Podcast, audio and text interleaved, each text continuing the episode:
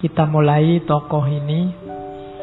Saya tidak tahu kesan yang muncul di kepalamu apa tentang beliau Nasruddin Hoja. Tokoh ini yang jelas, yang pertama menyuruh kita hidupnya tidak tegang. Berhikmah iya, berfilsafat iya, mendalam secara makna iya, tapi santai saja, sambil senyum sambil tertawa. Kalau kamu tidak percaya, Nabi itu sering tertawa. Di banyak hadis bahkan ada beberapa hadis yang menyebut Allah pun tertawa. Lah kok manusia tidak bisa ketawa? Ya meskipun istilah Allah tertawa itu kan nanti ada beda pendapat. Kalau di kita yang sunni ya pokoknya bila kaifa. Tapi Allah tertawa. Kan ada cerita Allah tertawa misalnya besok ada laki-laki terakhir yang keluar dari neraka menuju surga. Mungkin dia lihat surga dari jauh terus tertarik. Ya Allah, bu aku dekat saja sama surga sudah senang. Ya sudah mendekat. Ya Allah, saya nggak masuk juga tidak apa-apa. Nongkrong di depannya aja senang. Ya sudah silahkan nongkrong. Ya Allah kok enak ya di dalam surga bu Saya masuk di pinggir-pinggir juga tidak apa-apa Ya monggo masuk itu dan Allah ketawa lihat orang ini Lu Allah aja ketawa ada ceritanya, ada hadisnya. Apalagi Nabi, Nabi banyak. Apa, Nabi itu wajahnya saja dilihat menyenangkan. Kalau dalam bahasa apa dalam bahasa hadis Nabi itu profilnya basam. Basam itu orang lihatnya seolah-olah Nabi itu senyum terus. Dilihatnya itu enak. Jadi Sebelum Nabi ngomong ketemu Nabi saja itu orang rasanya enak, kayak disenyumi terus. Nah, kalau kalian kan mungkin ada di antara kita yang kebalikannya malahan. Nonton wajah itu pengen muntah. ada gitu nesunan, ngamuan, itu kan tidak enak. Kalau Nabi basam. Oke, kepada siapa saja. Makanya orang Islam harus bisa ketawa. Jangan ngamuk terus. Saya ngutip sedikit itu. Itu sebenarnya ada di pengantarnya Nasruddin Hoja. Saya lupa profesor yang nulis. Tapi itu diambil dari kitabnya Abu Hayyan At-Tauhidi. Al-Basoir wa Jangan engkau jauhkan dirimu dari mendengar sesuatu tentang kejadian sederhana yang lucu-lucu. Jadi kalian nonton yang lucu-lucu tidak apa-apa, nonton komedi tidak apa-apa. Sebab termasuk juga yang lucu-lucu dalam hidupmu. Hidupmu itu lucu, banyak yang lucu.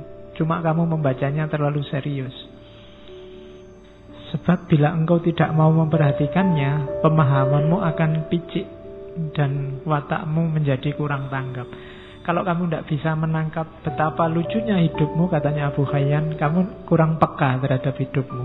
Hidupmu itu lucu, ngapain kamu stres? Ngapain kamu sumpek? Itu lucu. Tidak lulus-lulus ujian, lucu. Ya kan? Kemudian apalah diputus pacar jadi ya lucu. Wong masih pacar aja diputus kamu kok nangis sampai segitunya. Lah malah enak kamu bisa nyari lagi nambah pengalaman.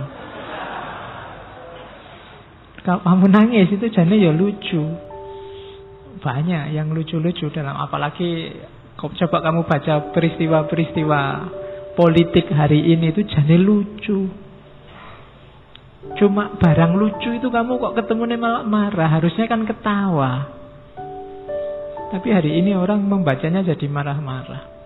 Katanya Abu Khayyan bilang kau tidak mampu menikmati segarnya komedi, segarnya humor, segara kelucuan, awan kelabu kehidupan yang serius bahkan menghancurkan dirimu. Wah, susah.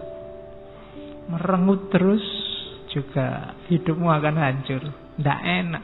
Wong kita oleh Allah diizinkan diberi kesempatan hidup di dunia ini kan untuk bahagia, untuk senang. Masa Allah nyuruh kita sumpek, nyuruh kita sengsara kan enggak. Gembiralah. Hidup ini menggembirakan. Jadi tertawalah. Ini filosofi yang dipakai oleh Abu Khayyan atau Khidi dan Nasruddin Hoja nanti gayanya semacam ini. Makanya saya sebut Muslim alternatif. Sekarang citranya Islam itu citra kebanyakan citra keras. Ya meskipun itu salah. Tapi ada indikator-indikator yang membuat orang menyimpulkan itu. Mari kita akhiri itu tampilkan wajah Islam yang melahirkan tawa, melahirkan senyum. Kadang-kadang ada orang bikin komedi, bikin humor, kamunya serius. Jadinya nggak jadi ketawa malah marah. Akhirnya orang takut lagi ngomong yang lucu-lucu. Akhirnya ngomongnya serius terus. Akhirnya wajahnya kayak kalian kelihatan cepet tua kabeh antara wajah sama umur berbanding terbalik. Jadi ketawalah, senyumlah. Hidup ini indah, hidup ini nyaman. Kalau ada masalah itu sebenarnya kelucuan kelucuan dalam hidupmu. Ketawain saja. Betapa lucunya dirimu. Nah, itu lebih nyaman. Itu rumus dari Nasruddin. Dan sufi juga, Nasruddin ini seorang sufi juga banyak memfungsikan humor. Coba dilihat para sufi, coba dilihat para ulama besar itu kan hidupnya serba senyum, banyak humornya. Ulama-ulama yang ilmunya sudah tuntas itu kalau ngomong kan enak didengarkan dan kadang-kadang ya dagelan-dagelannya banyak, membuat kita tertawa, membuat kita tersenyum. Ini orang yang sudah luas sehingga bisa menerima apa pun kemampuan menertawakan hidup itu tidak sembarangan. Wong Quran sendiri sudah ngasih isyarat kamu innamal hayatud dunya lahwun wala ibun. Kehidupan dunia itu hanya sendaguru loh. Sendaguru itu kan harusnya melahirkan ketawa. Wala ibun dan permainan dolanan. Jangan serius-serius. Kan sudah dibilang gitu. Cuma kita tertipu. Wong ini cuma sendaguru kok kita serius. Sampai tawuran, sampai pukul-pukulan, bunuh-bunuhan. Salah rumus berarti hidup kita. Ayo pakai rumus yang benar. Kalau permainan ya posisikan sebagai permainan. Kalau sendagurau posisikan sebagai sendagurau. Bahkan dalam dunia sufi humor ini ternyata perannya banyak, mainnya banyak. Ada teori bahwa kalau dalam sufi itu humor itu termasuk humornya Nasruddin itu ada kalanya untuk gugah pikiran. Orang yang jeli membaca humornya Sufi itu tidak cuma dilihat cerita lucunya. Di balik itu ada makna yang dalam. Dan itu bisa dikejar bagi orang yang daya pikirnya jalan. Daya analisisnya jalan. Tapi orang yang hanya dapat lucunya ya nggak dapat maknanya. Kayak para wali zaman dulu ketika menyampaikan ajaran Islam itu kan pakai media budaya. Pakai wayang, pakai model baju, pakai punokawan yang suka ndagel. Itu kan media media humor.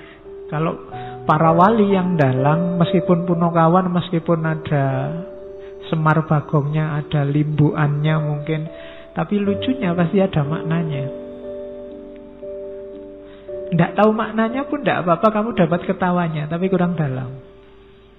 Ketawanya sudah dapat Cuma dalamnya. Dulu waktu di antara yang diperdebatkan Sunan Kalijogo sama Sunan Giri kan itu Sunan Giri orangnya serius.